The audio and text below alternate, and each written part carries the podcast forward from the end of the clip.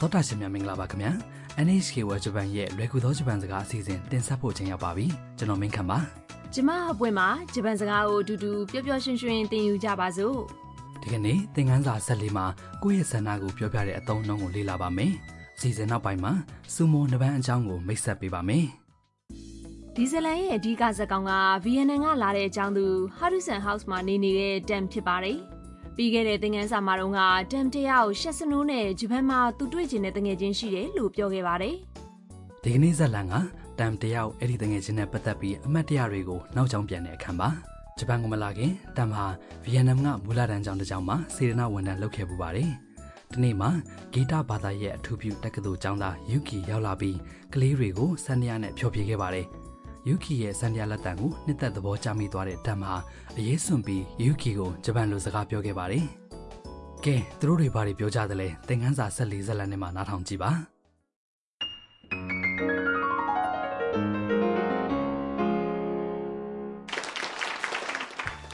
こんにちは私はタムです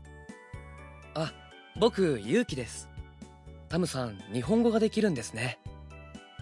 少しだけですラジオで勉強しましたえー、すごいですね日本へ行ってみたいですぜひ来てください僕が案内しますよ ။ဝါကြတစ်ကြောင်ချင်းကိုကြည့်ကြရအောင် တမ်ဟာယူကီစီသွားပြီးပြောလိုက်ပါတယ် こんにちは ။မင်္ဂလာပါ 私はタムです ။ကျမကတမ်ပါ ယူကီကပြန်ပြောပါတယ် あ僕ゆうきです ။အေးကျွန်တော်ကယူကီပါ タムさん日本語ができるんですね ။ဓာတ်ဆန်ဂျပန်စကားတတ်တာပဲနော် တမ်ကပြောပါတယ် 少しだけです ။နည်းနည်းလေးပါရှင် ラジオで勉強しました ။ရေဒီယိုကနေသင်ယူခဲ့တာပါ ယူကီကအံ့အားသင့်ပြီးပြန်ပြောပါတယ် えー、すごいですね ။အော်တော်လိုက်တာ တမ်ကသူ့ရဲ့ရည်မှန်းချက်ကိုပြောပြပါတယ်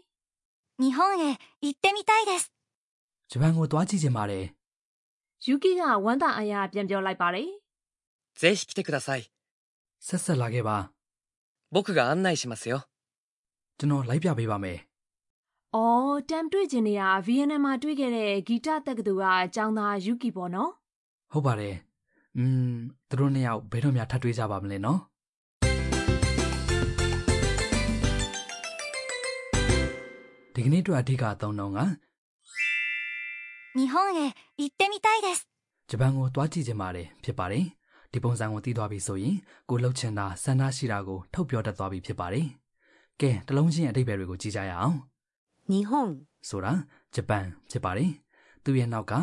へ ဆိုတာဥတီယာရှေရှုယာကိုဖော်ပြတဲ့ဝိပတ်ပါ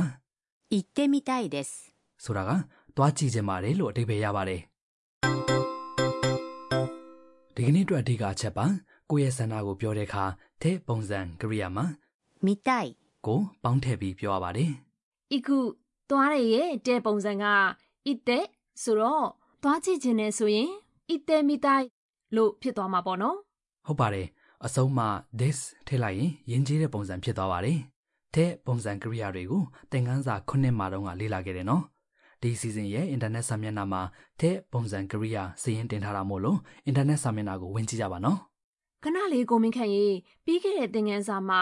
ikitai des သွားခြင်းပါတယ်ဆိုတာကိုလေ့လာခဲ့ရတယ်။အဲ့ဒီ tai des နဲ့အခုပြောတဲ့တဲ့မိတိုင်း des ကဘာကွာလဲယင် ။အဲ့ဒါကတော့တစ်ခုခုလှုပ်ချင်တယ်ဆိုရင် たいです လို့ပြောရပါတယ်။ဒီကနေ့လေ့လာတဲ့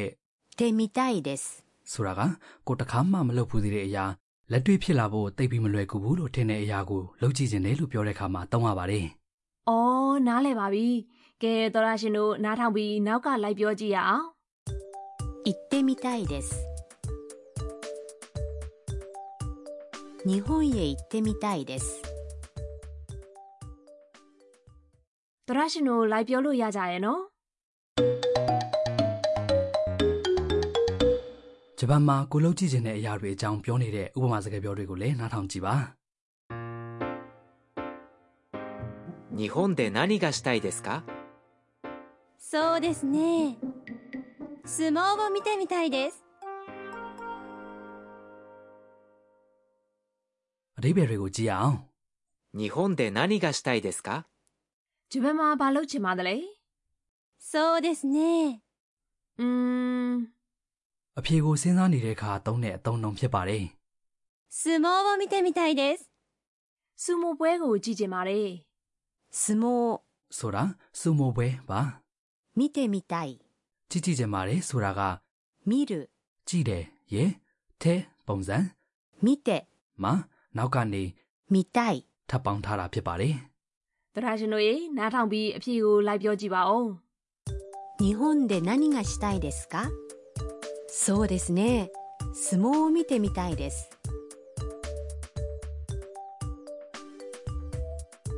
そうですね。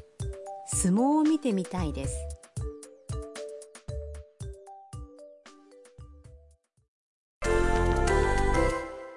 ဂျပန်မှာကိုလုံးကြည့်ချင်တဲ့တခြားအရာတွေလည်းပြောကြည့်ရအောင်ဖူဂျီတောင်တက်ကြည့်ချင်တယ်ဆိုပါစို့ဖူဂျီတောင်တက်တယ်ကို 富士山に登る。富士山に登る。 လို့ပြောပါတယ်တက်တယ်ဆိုတဲ့ကရိယာက 登る。 ဖြစ်ပါတယ်သူ့ရဲ့ထဲပုံစံက 登って。登って。 ဖြစ်ပါတယ်တော်တာရှင်တို့ရေပြောကြည့်ပါအောင် 富士山に登ってみたいです。富士山に登ってみたいです。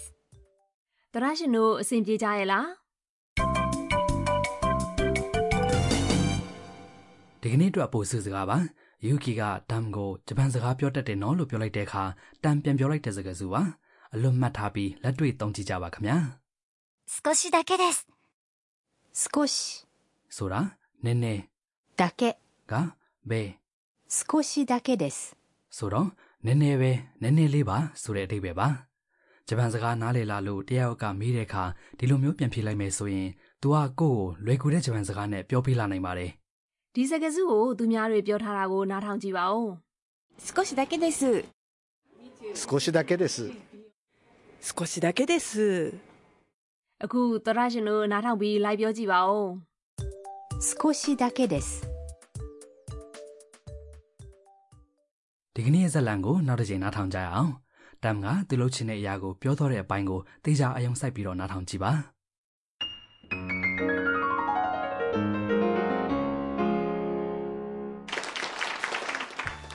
こんにちは。私はタムです。あ僕勇気ですタムさん日本語ができるんですね少しだけです。ラジオで勉強しました。えー、すごいですね日本へ行ってみたいです。ぜひ来てください僕が案内しますよ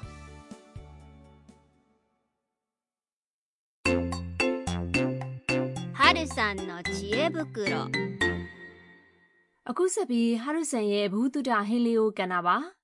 စောစောမှာပါတဲ့စူမိုနစ်ပန်းအကြောင်းကိုမိတ်ဆက်ပေးပါမယ် ။ဆူမိုဆိုတာဂျပန်ရဲ့နိုင်ငံအားကစားနည်းလို့ပြောကြပါတယ်။မပွင့်ရင်ဆူမိုပဲကြည့်ဘူးလားယင်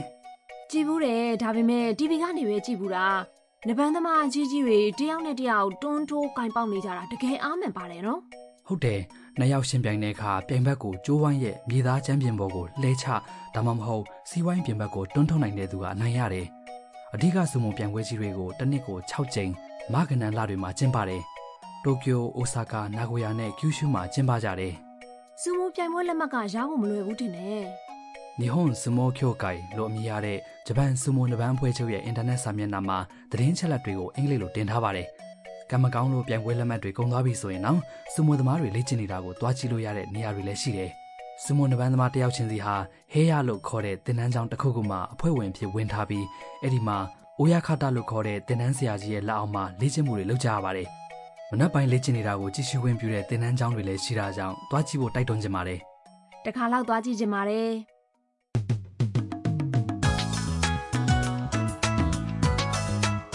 တောတာရှင်တို့ဒီကနေ့ရဲ့လွယ်ကူသောဂျပန်စကားအစီအစဉ်ကိုနှစ်သက်ကြမယ်ထင်ပါတယ် လာမယ့်သင်ခန်းစာမှာမိယာကနာဂါနိုကိုဓာတ်ပုံရိုက်ဖို့သွားပါမယ်နောက်တစ်ပတ်မှာပြန်ဆောင်ကြမယ်နော် ။